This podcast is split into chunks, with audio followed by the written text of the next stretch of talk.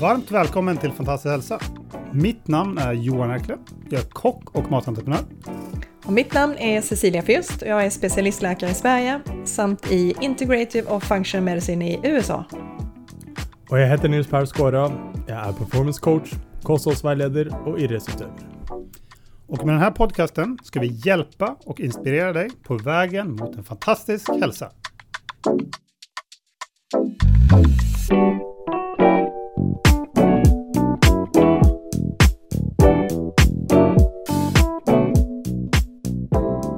Yes, då är vi tillbaka igen.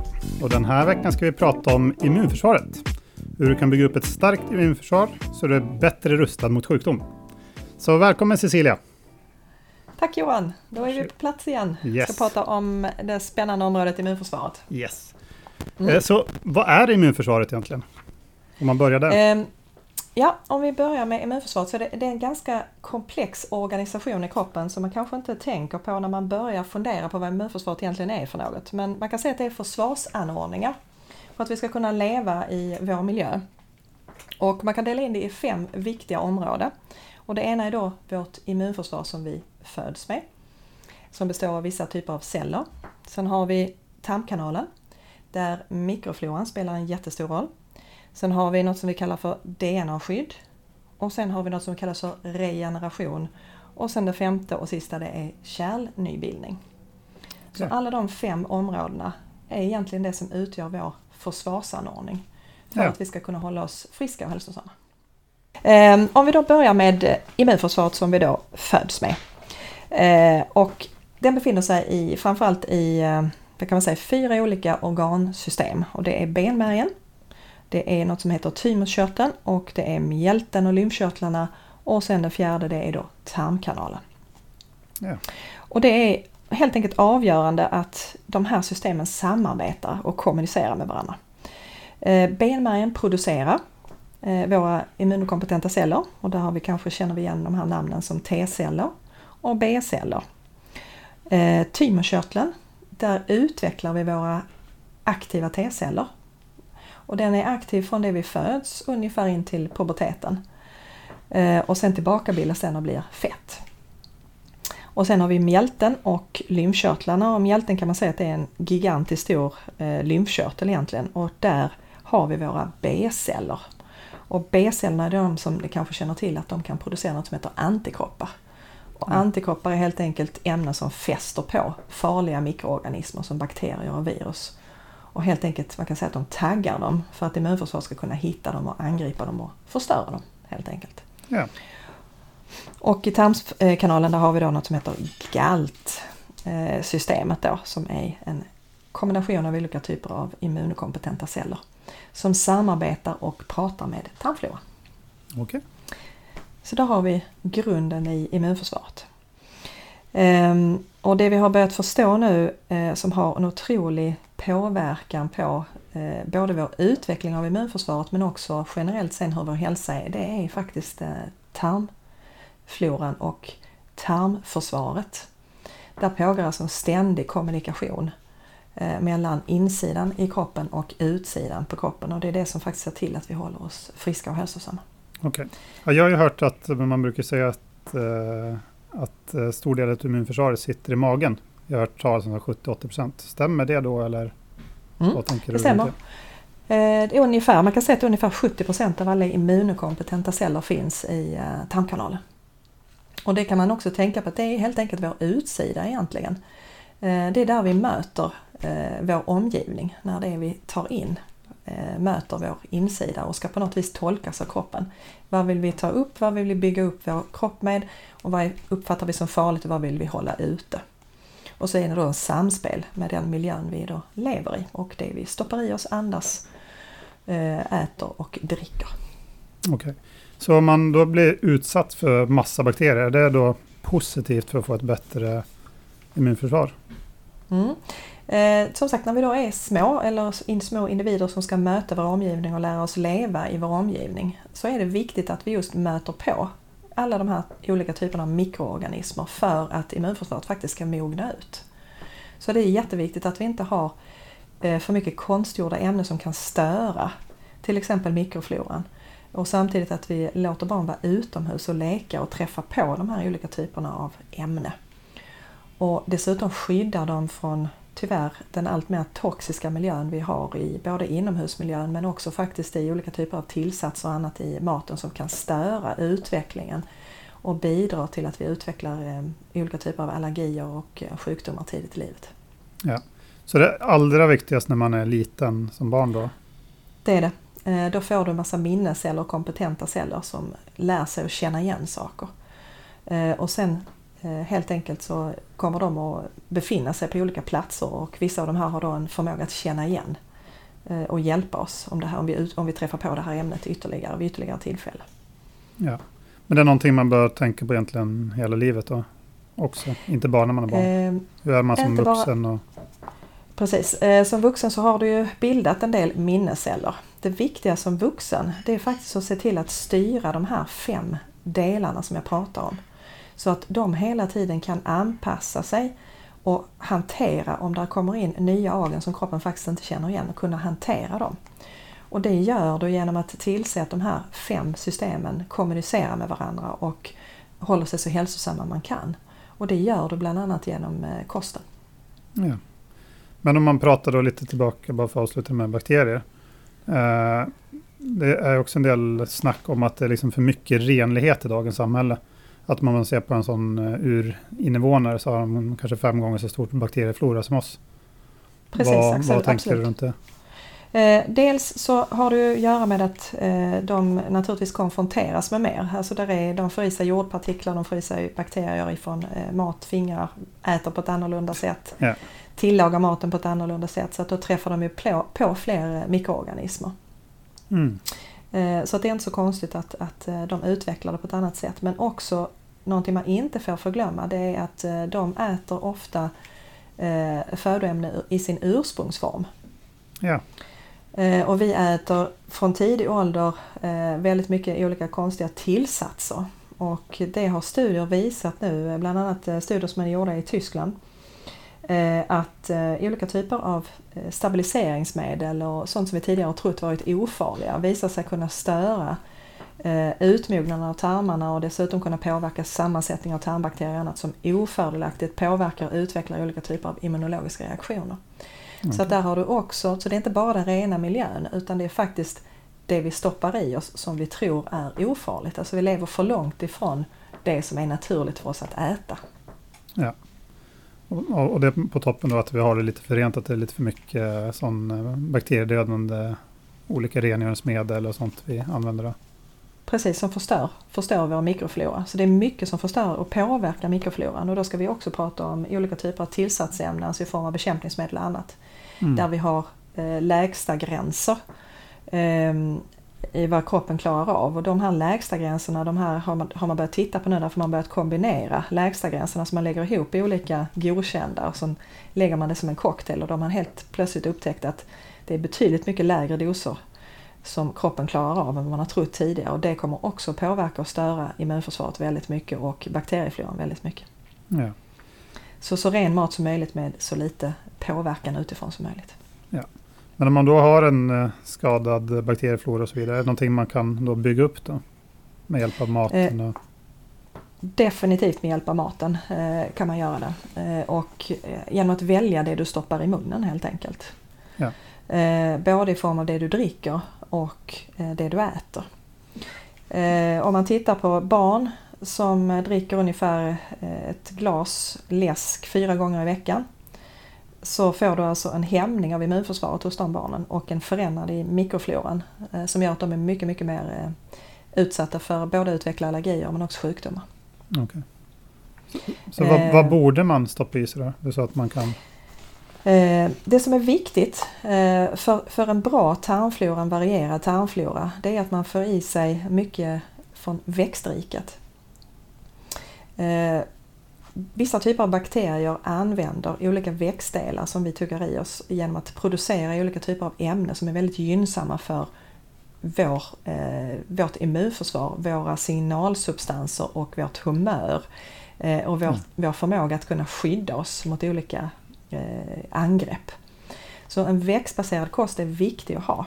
Det är mycket, mycket viktigt att ha mycket olika typer av grönsaker och frukt i kosten. Därför att växtfibrerna använder rätt sorts bakterier. Okay. För att producera alla de ämnena som vi behöver för att hålla oss friska. Eh, och sen hjälper de oss med näringsupptaget av andra. Eh, och det bygger alltså helt enkelt vårt immunförsvar och vår mikroflora genom att se till att vi har mycket växter i kosten. Är det speciella växter eller, eller är det? Ehm, det är just det här med om man tänker på de här olika färgmönsterna. Eh, att man ska försöka få i sig alla möjliga färger av grönsaker dagligen. Och de har olika funktioner alla. De som är exceptionellt bra för vårt immunförsvar är till exempel lila eh, potatis. Okay. Eh, innehåller ett, en typ av fiber som är väldigt, väldigt nyttiga och något som heter polyfenoler. Eh, som är ämnen som hjälper oss att bilda mycket antioxidanter som skyddar våra celler och, och processer och gynnar framväxt av en viss typ av bakterier. Eh, alla korsblommiga eh, grönsaker, alltså de vi känner igen som broccoli och brysselkål och grönkål och vitkål Eh, att syra eh, de här är väldigt bra också för då får vi i oss de syrade bakterierna som hjälper oss eh, att bilda en bra tarmflora. Du skapar en miljö som bra tarmbakterier trivs i.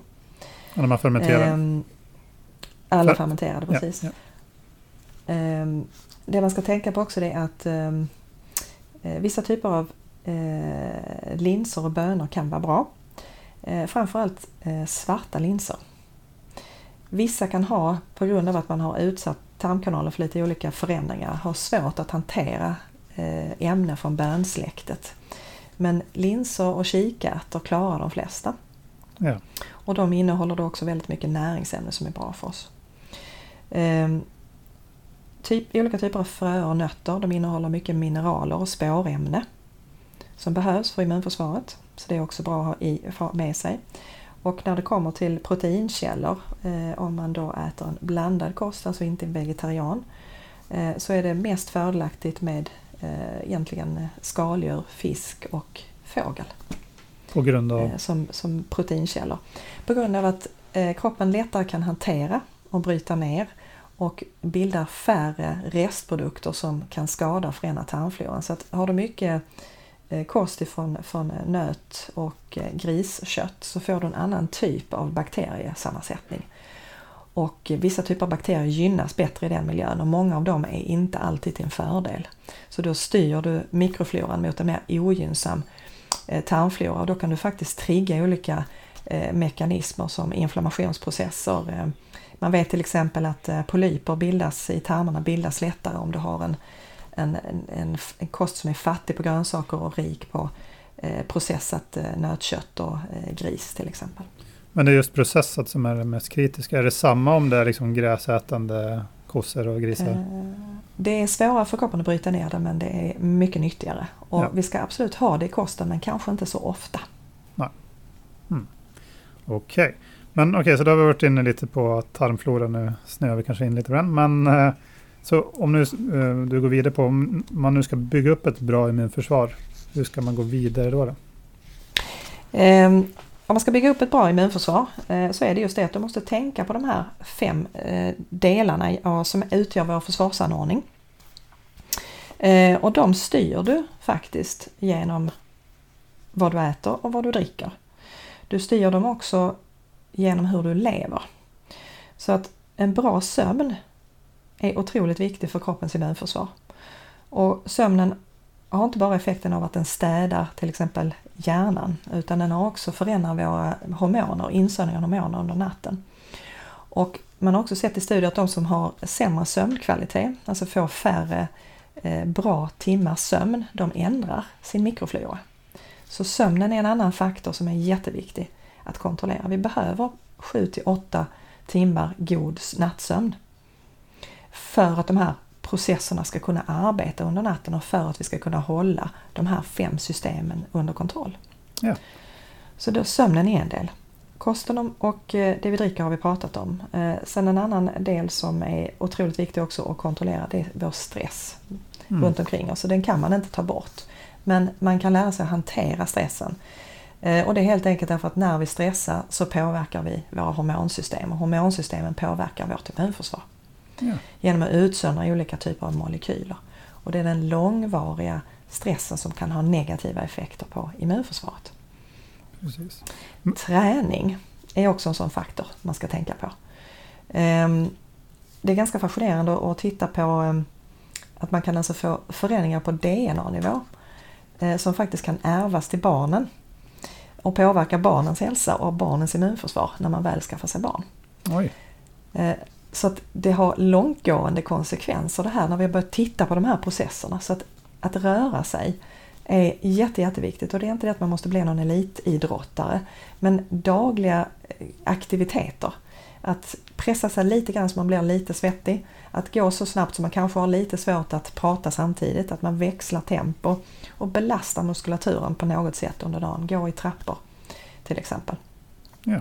Eh, har en enormt positiv effekt på immunförsvaret och eh, att stärka immunförsvaret. Okay. Du, du, sa lite vad man dricker. Kan du gå lite mer bara på, jag blir lite nyfiken, har du något konkret? Är det bara att man ska ha en viss eh, vätskenivå då eller är det något speciellt man ska dricka? Mm. Eh, vatten är en fantastisk eh, alltså ett fantastiskt ämne för oss att eh, få i oss dagligen och åtminstone mellan en och en halv till två liter om dagen. Och tränar då får du lägga på lite extra. Eh, och det är helt enkelt därför att vatten har unika egenskaper beroende på hur vattnet ser ut som molekyl. Den, har, den är vinklad, så den har en del som är lite mer negativ och en del som är lite mer positiv och det innebär att den kan transportera saker. Och i kroppen vill vi ha bra transportörer och vatten hjälper alltså dig att transportera både näringsämnen men också alla former av gifter och sånt du vill ha ut ur kroppen. Så att vatten ska du alltså ha i dig som en huvudingrediens när du ska släcka törsten och som rent medium för att hålla hälsan helt enkelt. Ehm, allting som kan störa tarmfloran ska man vara försiktig med. Alltså sötade drycker i, i diverse former ska man hålla sig undan. Ehm, alla former av dietprodukter. Eh, därför att det har man också sett i forskningsstudier att eh, olika former av sötningsmedel har en väldigt negativ effekt på tarmfloran. Och det kan till och med driva och utveckla insulinresistens som man ser till exempel i, vid typ 2-diabetes. Ehm, så det ska man absolut inte se, till att få i sig. Eh, något som har positiva effekter som man kanske ibland debatterar ganska mycket det är faktiskt kaffe. Kaffe har, kan både ha en positiv effekt på tarmfloran eh, men också naturligtvis på olika andra eh, funktioner i hjärnan som fokus och koncentration. Men den har faktiskt en positiv effekt för tarmbakterierna. Men lite negativ för stress? med negativ process. Ja, så där handlar balans. det hela tiden om balans och det handlar också om genetik. Har jag förmåga att hantera eh, de processerna som kaffet innebär? För där har du också en olik, olikhet mellan olika individer. Man har olika förmåga att hantera olika typer av näringsämnen, bland annat kaffe är en sådan. Ehm, grönt te kan man också tänka på, är, är bra att få i sig. De innehåller ehm, dels substanser som påverkar tarmfloran men också som påverkar immunförsvaret på ett positivt sätt. Så det är också något som är bra. Men med mängd, eh, jag har hört någon, vid något tillfälle att, man, liksom att kroppen bara kan liksom ta upp två deciliter vätska per gång hörde jag någon säga. Och resten liksom, ja, kissar ut eller något sånt där. Stämmer det? Ehm, det beror lite på, eh, gör det, situationen eh, och, och hur, hur du dricker. Eh, problemet är att många skvälper i sig alltså stora mängder på en gång och det, det är inte effekt, det har, du har ingen bra effekt av det. Utan det du ska skaffa dig det är helst en vattenflaska och sen dricker du lite under dagens gång. Just ja. därför att kroppen tar upp det en viss mängd och har en, har en viss mängd som den kan ta upp snabbt. Så därav är det bättre att portionera ut vätskan. Men är det någon speciell mängd som två deciliter eller är det olika på det, det är lite olika, det är, det är lite, faktiskt olika mellan individ till individ. Okay. Det som man kan säga, men, man, men om man räknar generellt på det så mellan, mellan två till tre deciliter, där någonstans ligger de flesta. I, i maxmängd på en gång. Mm. Men det är ju många som till exempel efter när man har sovit att man dricker, eh, eller jag tror någon japansk studie, någon bok som handlar just om vatten, att man ska dricka drygt en liter när man vaknar, mer som en detox-effekt. Så effekten var att du skulle kanske kissa ut en del. Vet du någonting om det? Bara... Ehm, alltså att hantera alltså avgiftningssystem. Det som jag säger att vatten är ju någonting du behöver över tid.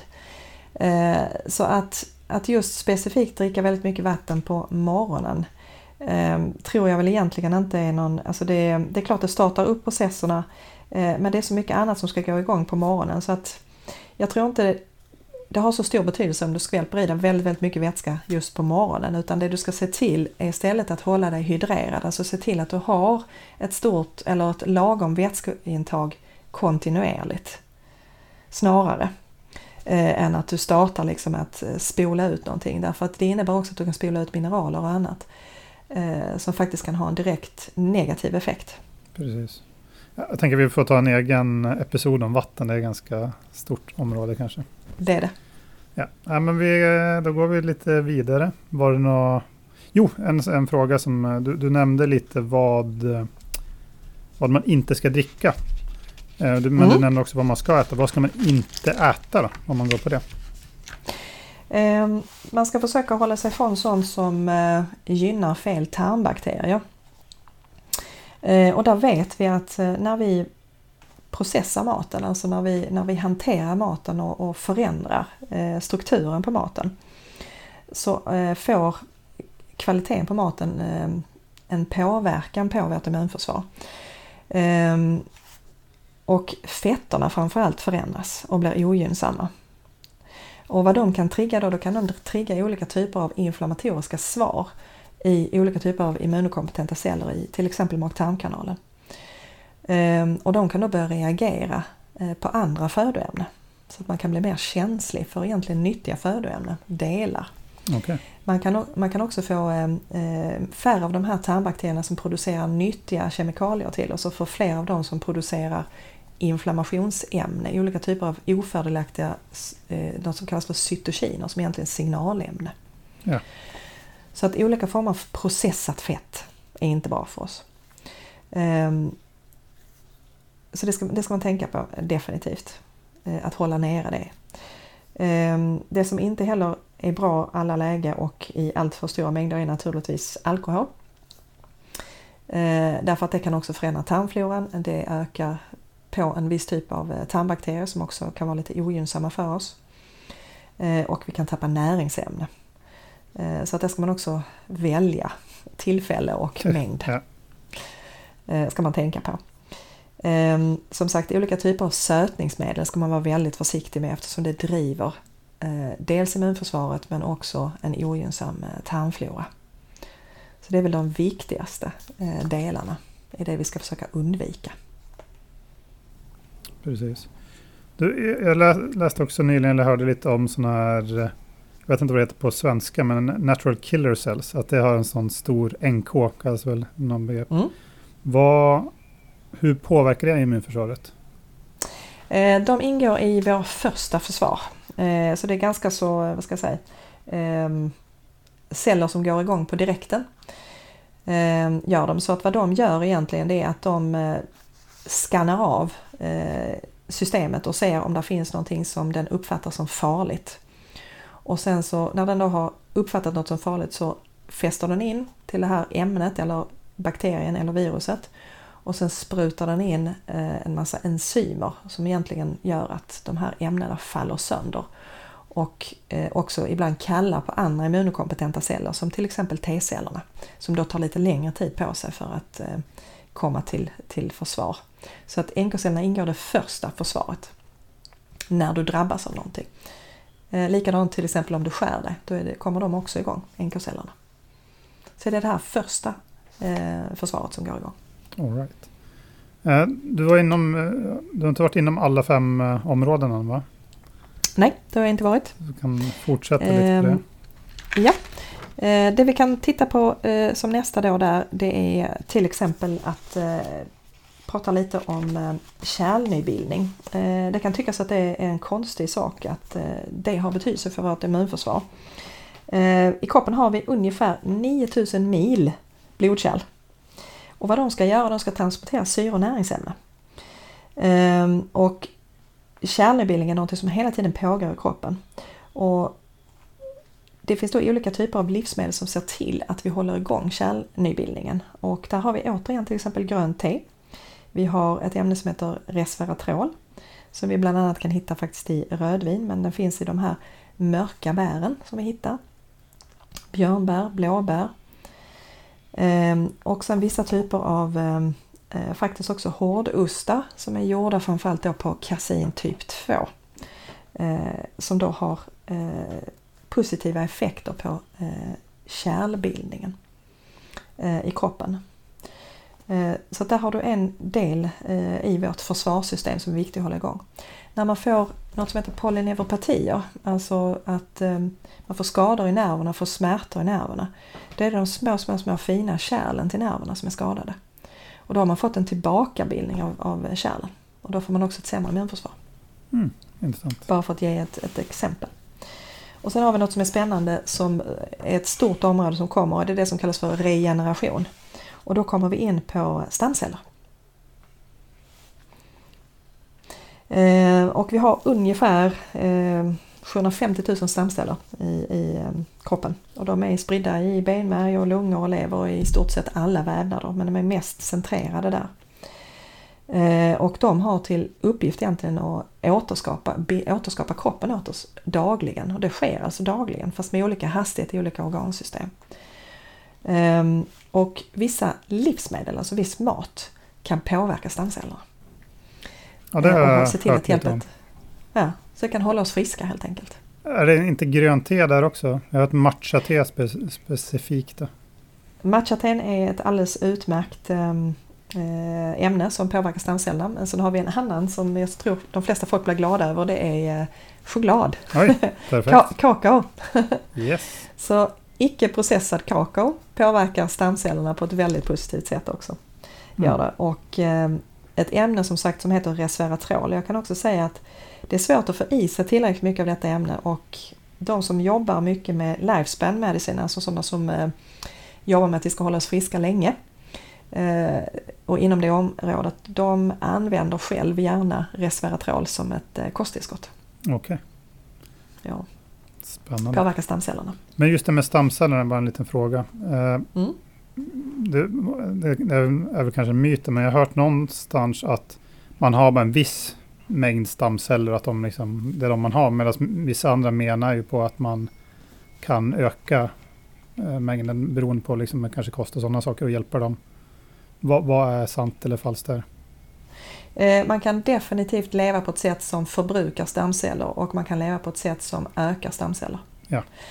Eh, Det jag tror eh, kanske många har hört talas om som eh, har en väldigt positiv effekt på stamceller till och med hos äldre, det är fasta.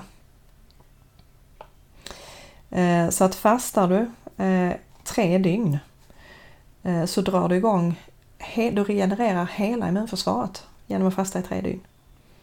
Och det har man sett, det spelar ingen roll om du är ung eller gammal, så även en äldre person som har ett lite långsammare system och lite svårare att dra igång stamcellerna, till och med de eh, får en väldigt gyn- gynnsam effekt av eh, fasta. Men du måste ha de tre dagarna, det gäller inte periodiskt fasta, funkar inte. Eh, periodisk fasta ger en viss effekt eh, och det ger framförallt en viss effekt också på olika typer av avgiftningssystem och belastning eh, med, med att hela tiden putta på dig mat. Men ska du få de här stamcellerna att verkligen kicka igång så behöver du en lite längre tid eh, fasta sammanhängande för att få de här stora effekterna på stamcellerna om det är det du är ute efter. Så att det beror lite på vad det är du är ute efter. Men ska du ha eh, en, en, en livsstrategi så är det bra till exempel för vissa personer att ha en, en eh, intermittent fast att man har vissa perioder under dygnet där man faktiskt inte äter någonting utan låter kroppen vila. Okej, väldigt intressant. Alltså, fast det är också väldigt stort, så där tänker jag vi tar en helt egen episod på också. Absolut. Mm. Men det var just det med stamcellerna där, hur du kan påverka dem. Mm. Eh, och sen har vi då eh, inte minst det intressanta, det vi kallar då för eh, DNA-skydd. Ehm, och det är ett område som är väldigt hett nu och det är också ett område där vi vet att kosten påverkar extremt mycket. Eh, och det är helt enkelt att du är född med en viss genetik men du kan reglera det genom vad du äter och hur du lever. Eh, och det är det vi kallar för epigenetik. Så att du kan alltså sätta på bra gener som hjälper dig att skydda ditt immunförsvar med vad du väljer att äta. Och du kan också äta på ett sätt som triggar annan typ av genetik som faktiskt eh, minskar ditt immunförsvar och eh, leder till ohälsa. Mm, väldigt intressant. Eh, så att där eh, är det faktiskt väldigt viktigt att ta reda på vad passar mig? Eh, vad kan jag göra? Vilken, vilken kost gynnar mitt system på bästa sätt? Och det kan alltså ta reda på. Hur, hur just du ser ut och vad du har för drivande mekanismer i detta. Och då måste Då du göra en gentest. Då måste man göra en gentest, ja, Ja. precis. Och även lite biokemiska analysmarkörer för att se hur genetiken arbetar. Yes. Så då måste man komma till en som, som dig. Som Ja. lite koll. Ja precis, kan man komma, eh, kan man komma till någon som mig Ja. som kan titta på det. Men det har stor, stor betydelse. Och i det har vi också telomererna. Eh, och telomererna är en del av då vårt DNA-skydd och telomererna det är ändarna på ehm, eh, kromosomerna helt enkelt som skyddar oss eh, från att eh, DNA-strukturerna ska falla sönder. Och där vet vi också att det som har störst betydelse för telomererna det är inte träning eh, till exempel utan det är faktiskt näringsämne. Eh, och de näringsämnen som har störst betydelse för eh, skyddet vid telomerändarna det är det som innehåller mycket antioxidanter. Då är vi återigen tillbaka till grönsaker, bär och frukt. Där ser man störst effekter på telomerlängden. Och det är också ganska skrämmande för där har man också tittat på telomerlängden hos barn. Och de som drack läsk, de kortar sina telomerer väldigt fort. Right. Redan i så unga år. Så Mm. det är också någonting vi ska tänka på. Ja. Som då är en del av vårt immunförsvar. Yes. Men om man går in mer på sådana eh, näringsämnen. Man brukar säga till exempel att ja, när du är sjuk ska du äta vitlök till exempel. Är det Mm. någon, eh, om man ser på, på just eller ingefära eller blåbär. Är det, är, det någon, är det någon myter runt det där eller hjälper faktiskt just till exempel om vi tar vitlök först då. Är det positivt? Ehm, Och, och vad hjälper det? Svar, ja precis, svar ja det är det. Ehm, Det är helt enkelt därför att det hjälper och ökar bildningen av en viss typ av eh, tarmbakterier som får fart. Och de tarmbakterierna i sin tur kan då optimera vilka typer av immunkompetenta celler som aktiveras. Så att svar ja, vitlök kan ha en positiv effekt när vi är sjuka. Eh, något som har stor effekt eh, när man är sjuk det är faktiskt vad, hur du lägger upp och vad du äter. Att inte äta för tung mat. Och istället Ja, nu, äta är, nu är vi på när man blivit sjuk eller för att inte bli Ja sjuk. just det, när man har blivit sjuk. Ja, ja. Eh, för, att, ja, för att inte bli sjuk då ska du äta det här som bygger upp ditt immunförsvar. Mm. Och det är alla de här mikronäringsämnena. Eh, och de som har starkast effekt på det, det är blåbär, det är vitlök, det är ingefära, eh, det är gurkmeja, eh, det är lila potatis eller lila sötpotatis. Eh, det är grönt te. Mm. Där har du faktiskt All de right. som är bäst att stoppa i sig. Toppen. Okej, det är väldigt bra tips. Så att egentligen du ska äta för, som positivt för någon av de här fem olika systemen som du pratar om. Precis, precis exakt. Ja, det är det man ska göra. Ehm, och det är lite det, när, som ni kanske vet så ska Johan och jag göra en liten cookbook här så småningom. Johan gör recepten och jag gör det andra. Ehm, och där ska vi ha en, en, ehm, en del där man faktiskt kan välja och kombinera kost som stärker immunförsvaret. Så ska man kunna hitta i den här boken hur man ska ehm, komponera det. Yes, Så det kommer vi göra där. Jag tänker också bara att nu har vi pratat lite om olika livsmedel och sånt, men det är också många och mycket diskussioner om olika kanske tillskott eller näringsämnen som till exempel C-vitamin, D-vitamin och lite andra olika. Eh, vad, vad, tänker vi där då? Vad tänker du där? Kan man få i det via kosten? Ska man ta tillskott? Alltså nu, nu är jag mest på förebyggande så kan vi gå till när man väl blivit sjuk Mm. efter det. Ehm, förebyggande, det handlar hela tiden om eh, var du startar någonstans. Så att är du en person som har levt på ett bra sätt länge, alltså du, har, du vet med dig själv att du har en varierad kost, du har en stor bas i grönsaker och frukt dagligen. Ehm, då har du laddat upp ditt system över tid eh, och styr de här mekanismerna väldigt bra. Då startar du på ett bra sätt. Eh, där är behovet till exempel av C-vitamin betydligt mycket mindre därför att du har redan en kost som är baserad där du hittar till exempel C-vitaminet i grönsakerna och frukten till väldigt stor del. Så där har du täckt det behovet. Eh, där täcker du också behovet av mineraler som till exempel selen och zink som är otroligt viktiga för immunförsvaret. Lägger du Men då, då måste till, du egentligen testa det ja. För, Ja, det är det, du, det är det precis. Du måste veta var du startar. Det är därför jag säger att du måste Mm. veta vad du har i grunden. Eh, därför sen man också i olika använder, man använder sina näringsämnen lite olika beroende på sin genetik till exempel. Så att vissa människor kan ha ett ökat behov av, av eh, till exempel zink. Eh, och då är det kanske så att du inte kan tillgodose dig det fullt ut med din kost och då behöver du kanske ha ett tillskott. Men det viktiga här är faktiskt att ta reda på vad har jag för behov. Eh, Men att äta frukt och grönsaker, frö och nötter, då täcker du mikronäringsämnena som backar upp och stödjer eh, immunförsvaret. Så då, det, då har du en, en bas där du ofta får i dig tillräckligt. Ja, så då behöver man Eh, om egentligen du då inte har- något tillskott. Nej, Om man nu äter man riktigt. om man äter riktigt bra. Precis. Eh, är man då någon sån här som är mittemellan och slarvar lite grann och har en genetik med sig som kanske inte är helt optimal. Eh, då kan jag säga att det som man kan tänka på då och ha eh, på en regelbunden basis det är till exempel omega-3 av god kvalitet. Eh, det är någon form av multivitamin, gärna då, den ska, eller rättare sagt den ska vara med de aktiverade formerna av näringsämne. Och aktiverade former av näringsämnen det innebär helt enkelt att oavsett din genetik så kan kroppen använda de ämnena som finns i de multivitaminerna. Eh, många eh, kosttillskott innehåller eh, grundformer som, som man inte alla kan använda sig av helt enkelt och det kan faktiskt också bidra till att man försämras om man tar den typen av tillskott. Så därför är det alltid bra att välja, om man väljer tillskott så ska man välja till exempel ett multivitamin med aktiverade formerna av näringsämnena. Eh, Att stödja matsmältningen är någonting som de flesta behöver göra eftersom inte alla äter en optimal kost. Och att backa upp tarmfloran på en regelbunden basis. Så då har du egentligen grundämnena eh, som egentligen alla kan ha nytta av. Ja. Magnesium då? Det hör man mycket också om. Och Mm. processer i kroppen.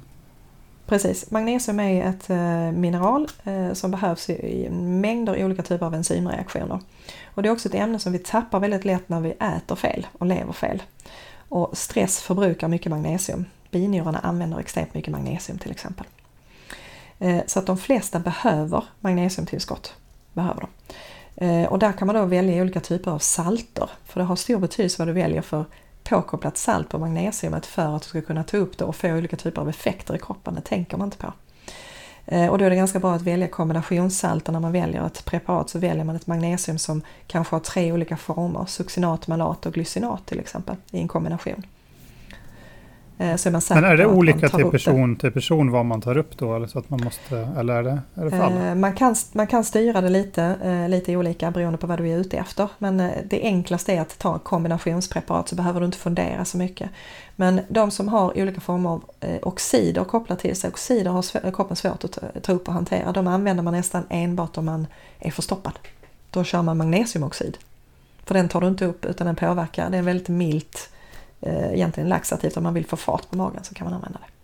Men det är ingenting om du har magnesiumbrist, så den ska man hålla sig ifrån om man har magnesiumbrist. Okej. Det är där som gör det hela lite komplicerat. För man tänker bara, okej jag ska ta D-vitamin, men den finns i olika former. Om det är nu zink eller om det är magnesium eller vad det är. Eh, Och det kan ju vara lite svårt för en vanlig person att liksom, vilken form är egentligen jag ska ta? Precis, det är du där? Eh, det är svårt att veta och det är därför jag säger att därför är det bättre att hålla sig till, eh, alltså i, i andra länder där man använder ehm, eh, tillskott som någonting som kallas för nutraceutical, alltså man använder det helt enkelt för att reparera och underhålla funktioner. Så man använder det som en kan säga, ett form av läkemedel, fast det är det ju inte utan det är ju näringsämne. Eh, där finns eh, företag som enbart jobbar med att framställa den här typen av eh, kosttillskott som kroppen kan använda och kan ta upp. Eh, och de ingår också i olika typer av certifieringsprogram så man ska alltså välja kontrollerade eh, produkter som produceras av företag som egentligen riktar sig mot eh, olika typer av näringsterapeuter och läkare. Ja, Det är och helst göra en test då. Man ska man alltid göra tester. ta. Det, det man börjar med om man ska rätta till någonting, det är sin kost. Man börjar inte med att stoppa i sig kosttillskott, man börjar med att rätta till sin kost. om man inte har varit och tagit prover så att man vet hur man ska backa upp de här olika bristerna man har. Men det är alltid kosten man börjar med som, som privatperson. Ja. Intressant. Men ska vi gå vidare lite till då om, eller om man nu blivit sjuk då? Vad eh, gör man då? Är det samma principer då? Eh, vad man ska tänka på om man blir sjuk, eh, det är helt enkelt att du ska definitivt fokusera på att få så näringstät mat som möjligt. Och då är min rekommendation att faktiskt göra olika typer av eh, soppor på bara grönsaker och kanske ha någon liten eh, buljong i botten. Men koka grönsaker och sen äta det som, som en soppa för då får du dels så får du det lättupptagligt och sen så får du det näringspackat. Och då väljer du till exempel att, att stoppa i eh, lite lök, lite vitlök, lite morötter, eh, lite broccoli och lite olika typer av örter. Och sen då lägger man det i en bas av en buljong för att då får du en näringstät eh, sammansättning av mikronäringsämne plus protein. Med olika färger också, eh, som du pratade om innan. Och med olika färger, precis exakt. Mm. Och att också välja lite lättare proteinkällor eftersom när du är sjuk så har du en lite förändrad eh, förmåga att hantera och bryta ner. Kroppen håller på att processa annat så att det ska vara så lättupptaget som möjligt. Så att hålla sig till de lite lättare proteinerna om man nu ehm, äter eh, ifrån djurriket så väljer man då eh, till exempel fisk eller fågel. Så, så man kan alltså man hjälpa immunförsvaret när du har blivit Precis. Det är ja. det du gör. Därför att då ökar du näringsupptaget och då får du de här mikronäringsämnena som eh, immunförsvaret behöver för att jobba med. Och sen är det också bra att lägga till under de här perioderna eh, faktiskt eh, E-vitamin som då ska vara blandade tocopheroler. Eh, lite extra buffrad C-vitamin så att det inte blir för surt i magen när man tar dem. Eh, att lägga till faktiskt också någon multimineral, är inte alls dumt att göra. Eh, och gärna en multivitamin med de här aktiverade formerna. Eh, därför att kroppen förbrukar mer näringsämnen när du är sjuk och tar du dem då utöver det här med kosten så får du då lättupptagliga ämnen utan att kroppen behöver processa det. Och då kommer man snabbare igång med de här olika delarna. Så då, då rekommenderar du faktiskt tillskott i det tillfället när du väl har blivit sjuk? Svar ja. Och vad var det sa formen av C-vitamin? Alltså bulk eller vad var det? Eh, buffrad. buffrad, buffrad. Ja. Det, är helt enkelt, ja, det är helt enkelt att den inte bildar för mycket syra. Nej. Är det speciella det mängder det, man måste upp i? Eh, ja, man ska helst upp i, eh, i alla fall upp i en 3-4 gram C-vitamin ska man upp i då. Per dag då? Fördelat, per dag. fördelat på flera tillfällen eller? Eh, jag föredrar att man fördelar åtminstone på två tillfällen. Mycket intressant. Okej, okay, så är det, är det något annat man bör stoppa i sig då? Om man tänker, det pratar du lite om. Eh, men det är samma liknande mat. Det, när du väl blivit sjuk, hjälper också blåbär och vitlök och ingefära det som var förebyggande? Um, absolut, absolut gör de det därför att de innehåller mycket, mycket antioxidanter så bär är väldigt bra. Man ska kanske hålla sig från de sötare frukterna eftersom eh, socker potentierar vissa typer av tarmbakterier och annat också och kan bidra till lite negativare effekter. Eh, så kanske mer hålla sig åt bärhållet. Ja. Vad är det mer man kan tänka på? Då? För du sa det att eh, ja, man ska stoppa i sig vissa typer av mat och så vidare. Eh, mm. Men du ska också, ja, du kan fortsätta. Ja, man ska tänka på vätska, det är jätteviktigt när man är sjuk. Så man tänker på det. Du behöver transportmedel för alla de här ämnena som ska bort ur kroppen och hjälpa immunförsvaret. Eh, vila är jätteviktigt därför att immunförsvaret jobbar. Eh, du behöver alla de, all hjälp du kan få av sömn och att inte överanstränga kroppen. Eh, och naturligtvis eh, får man en feberreaktion så låt febern verka därför att temperaturstegringen som sådan har en effekt som också är avdödande på olika typer av virus och bakterier. Så var inte för snabb med att stoppa på sig olika typer av läkemedel som sänker temperaturen. Kommer man sen upp i farligt höga temperaturer så måste man naturligtvis dämpa eh, och hålla nere temperaturen under ett par timmar så att man liksom får paus och vila. Vad är det som är, är farlig farligt. temperatur? Är det över 40 grader? Du skulle... Eh, det är när man börjar röra sig mellan 39 och 40 grader. Då behöver man paus i systemet. Så att då låter man det vara eh, en tag, en timme, två timmar och sen så dämpar man ner det. Men så man tänker på det. trubba inte temperaturen för snabbt. Därför att den fyller en funktion när du är sjuk. Eh, och lyssna på kroppen vad du orkar göra. Eh, ta gärna bort eh, alltså andra former av stimuli. Lyssna på behaglig musik istället. Om, om man orkar, lyssna på en bok istället för att läsa en bok. Alltså låt kroppen arbeta med det den ska skydda dig för, alltså helt enkelt infektioner. Ja. Men så då kan du alltså i teorin bli snabbare frisk då, om du nu hjälper immunförsvaret med näring och så vidare? Precis, du kortar helt enkelt sjukdomsförloppet. Ja. Mycket intressant. Uh, är det något annat man ska tänka på när man är sjuk? Som du, eller har varit inom det mesta? Uh, alltså när man, när man just har blivit sjuk så, så är det just det här, det är egentligen det här. Det är vätska, det är näring, det är vila. Uh, det som är viktigt, det är det som händer innan du blir sjuk. Det är faktiskt att bygga ett immunförsvar som faktiskt klarar av att hålla dig frisk även om du hela tiden träffar på olika typer av mikroorganismer och situationer som påverkar ditt immunförsvar. Så att ja. lägg fokus på att bygga ett bra immunförsvar. Mm. Det är ett bra tips. Det är ganska aktuellt nu också med den situationen vi fortfarande är i med det coronaviruset. Så mm. gäller det samma för corona då? Att man kan bygga upp ett immunförsvar som kan skydda en bättre mot ett sådant virus? Eh, definitivt, därför att vi vet ju hur stor effekt det har, alltså vår, livs, eh, våra livsval och vår, vår livssituation, hur det påverkar vårt immunförsvar. Vi, vi har ju forskningen bakom detta. Vi vet att eh, vissa har lättare för att drabbas eh, om man har olika typer av eh, brister. Och tittar du då på den äldre befolkningen som har farit ganska illa nu i coronatider så är det just det att du, du har en äldre kropp, du har ett eh, sämre försvar initialt och har du ovanpå det en näringsbrist eh, så klarar du inte av till exempel en, en belastning som det här eh, viruset kan utgöra. Eftersom det engagerar immunförsvaret eh, på så många olika sätt. Ett mycket lurigt och speciellt virus detta. Eh, för det interagerar med vårt eh, immunförsvar på ett sätt som är svårt att balansera.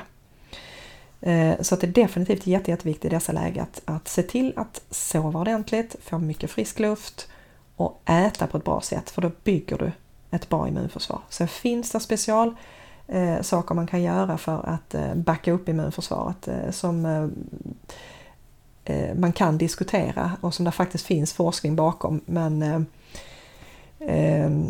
som är diskutabelt eftersom vi inte har tillräckligt mycket kliniska studier på det. Men man ser att vissa typer av örter till exempel har en förmåga att eh, göra det ofördelaktigt för till exempel ett eh, virus som, som coronaviruset är. Okay. Vad är det för typ av eh, örter? örter som, som kan påverka. Eh, man har en som heter astragalus. Mm. Eh, som har ett, eh, ett, en effekt på, direkt på de immunokompetenta cellerna. Man har något som heter berberin som eh, ökar till exempel de som kallas för natural killer cells. Så att ja, man kan påverka. Man kan också hjälpa vissa typer av molekyler att bildas och i corona så är det faktiskt så att man i USA har använt en hel del av ett ämne som heter N-acetylcystein. Därför att det bildar ett ämne som heter glutation och glutation är den starkaste antioxidanten vi har och har väldigt stor betydelse för lungorna och luftvägarna. All right. Så att det finns saker man, man kan göra men som sagt eh, man diskuterar fram och tillbaka eftersom det inte finns så mycket kliniska studier på det. Nej. Men forskning, forskning finns där och det visar på tendenser. Ja, just med corona har det väl varit en del studier eller försök med höga doser C-vitamin. Också att de har eh, absolut. Ja. Absolut. Och det också har jag väl hört. Ja, precis. Och det är också en väldigt stark antioxidant. Så det är scavengers egentligen. De, de, de tar bort de här fria radikalerna och de trycker tillbaka vad? Jo, den här cytokinstormen som man ser hos eh, coronapatienterna. Ja. Och cytokinstormen är helt enkelt det är de här ämnena som bildas i ett överaktivt immunförsvar. Så det hjälper helt enkelt till att hantera den processen. Yes. Hade inte du också gjort någonting med att sätta lite på just genetik i förhållande till corona också? Jo, Eh, tillsammans med en professor som är på Harvard så har vi tagit ut genetiska markörer där man kan titta på hur första delen av immunförsvaret, eh, alltså risken att drabbas av till exempel corona, eh, där har man kunnat se att vissa gener har en större Eh, är en större riskfaktor helt enkelt för att få det och drabbas av det. Så har vi plockat fram eh, de generna så man kan titta på dem och sen har vi också gjort en bas där vi då tittar på att om du skulle drabbas av det, hur ser den, de styrmekanismerna ut för att kunna klara av den typen av eh, infektion? För det bygger då också på vad du har för genetik i, i de här sena svaren i kroppen. Så då kan man få en, en man kan få en hint om eh, hur, hur du kan eventuellt drabbas och i så fall också hjälpa till att hitta de här i tid och att eh, backa upp immunförsvaret på lite olika sätt. Right. Så då är det alltså en ganska stor fördel att man kanske har en, eh, en eh, DNA-test i botten. Så kan man jobba eh, Det är den. faktiskt Ja, och det, det, innebär ju också att du vet också om du, du faller i de här som har lite ökad risk och kanske ska vara lite extra försiktig med ja. just det här att, att undvika folksamlingar och, och, tänka på hur du rör dig och hur du lever under det här tills vi får kontroll över detta. Mm. Intressant. All right. Jag har också en sån en, en, en liten sak man brukar säga. Det är många som säger ja, man behöver bara äta varierad kost, träna och sova gott så är det lugnt. Liksom. Är inte det liksom lite enkelt sätt att se på det och, liksom, och, och vad innebär det? Alltså nu har vi pratat lite om just det men det är kanske lite mer komplext än så liksom.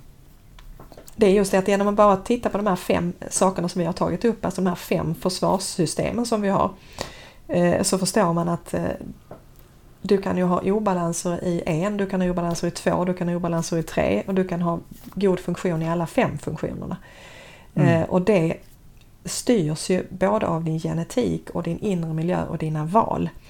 Så att, att vara så enkel och säga att äta en varierad kost, vad är det? Det har du ingen aning om därför att du vet inte dina verkliga behov. Därför ja. du vet inte var du startar ifrån här idag med din biokemi.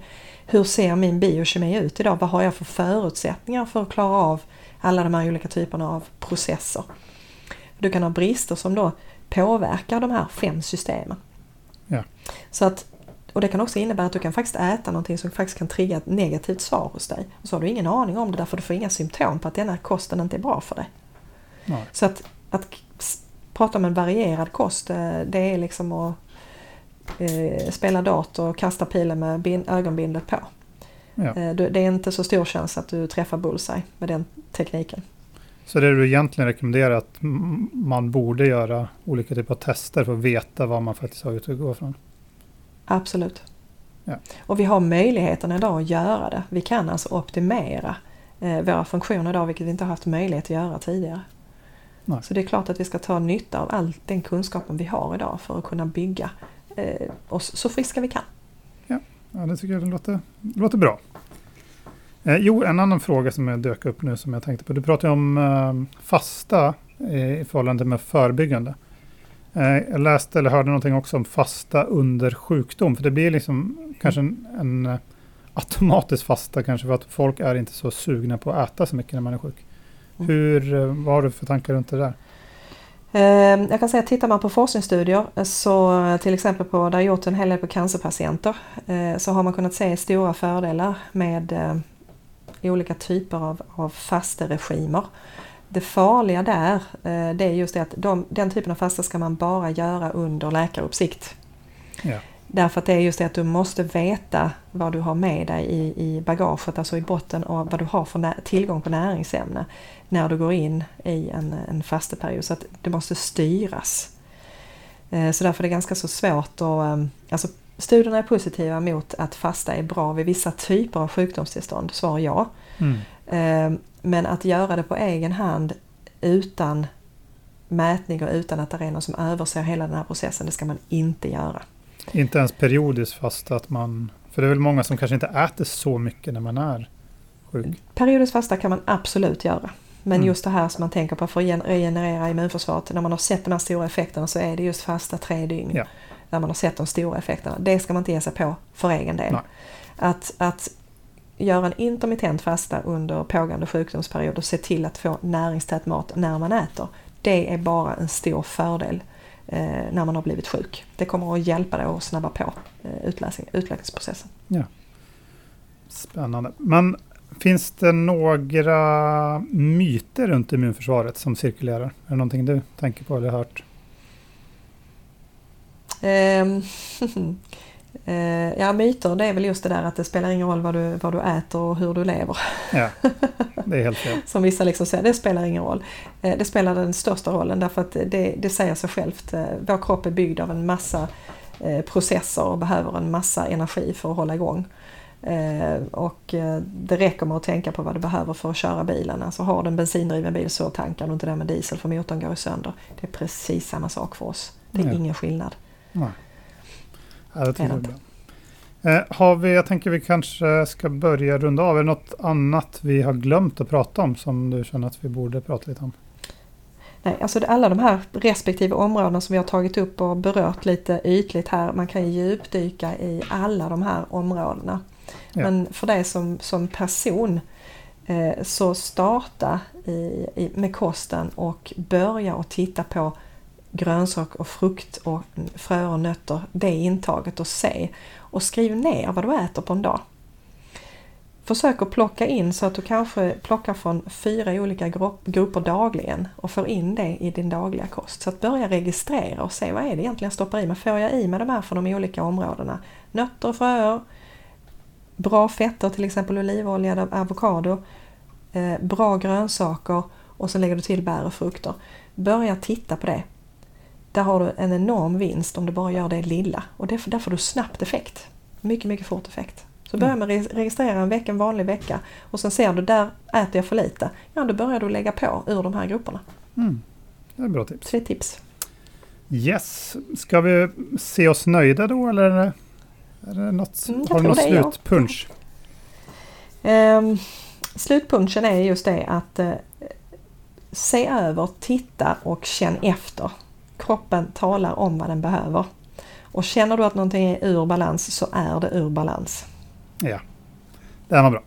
Perfekt, Nej, men då tycker jag att vi är klara för idag. Och eh, nästa vecka ska jag och Nils Paul prata om någonting. Men det tänkte jag att ni som lyssnar kan vara med och tycka till om. Så att ni kan gå in på vårt Instagram-konto, Fantastisk Halsa. Eh, och söka upp oss där och så kommer jag göra en liten post där ni kan kommentera vad ni vill att han och jag ska prata om. Så då tackar jag för idag. Tack för idag Cecilia. Ha en fin dag. Tack Johan. Tack, tack. Hej då. Detsamma. Tack. Hej. Tack för att du satte dig tid till att lyssna på vad vi hade att säga. Om du har några frågor till kommande avsnitt så hittar du in från dessa avsnitt på vår Instagramkonto Fantastisk Halsa i ett ord. Vi hittar också samlad information på vår hemsida fantastiskhalsa.com. Vi tackar för oss från vår studio i Vollebäckfabriken i Oslo. Ha en fantastisk dag!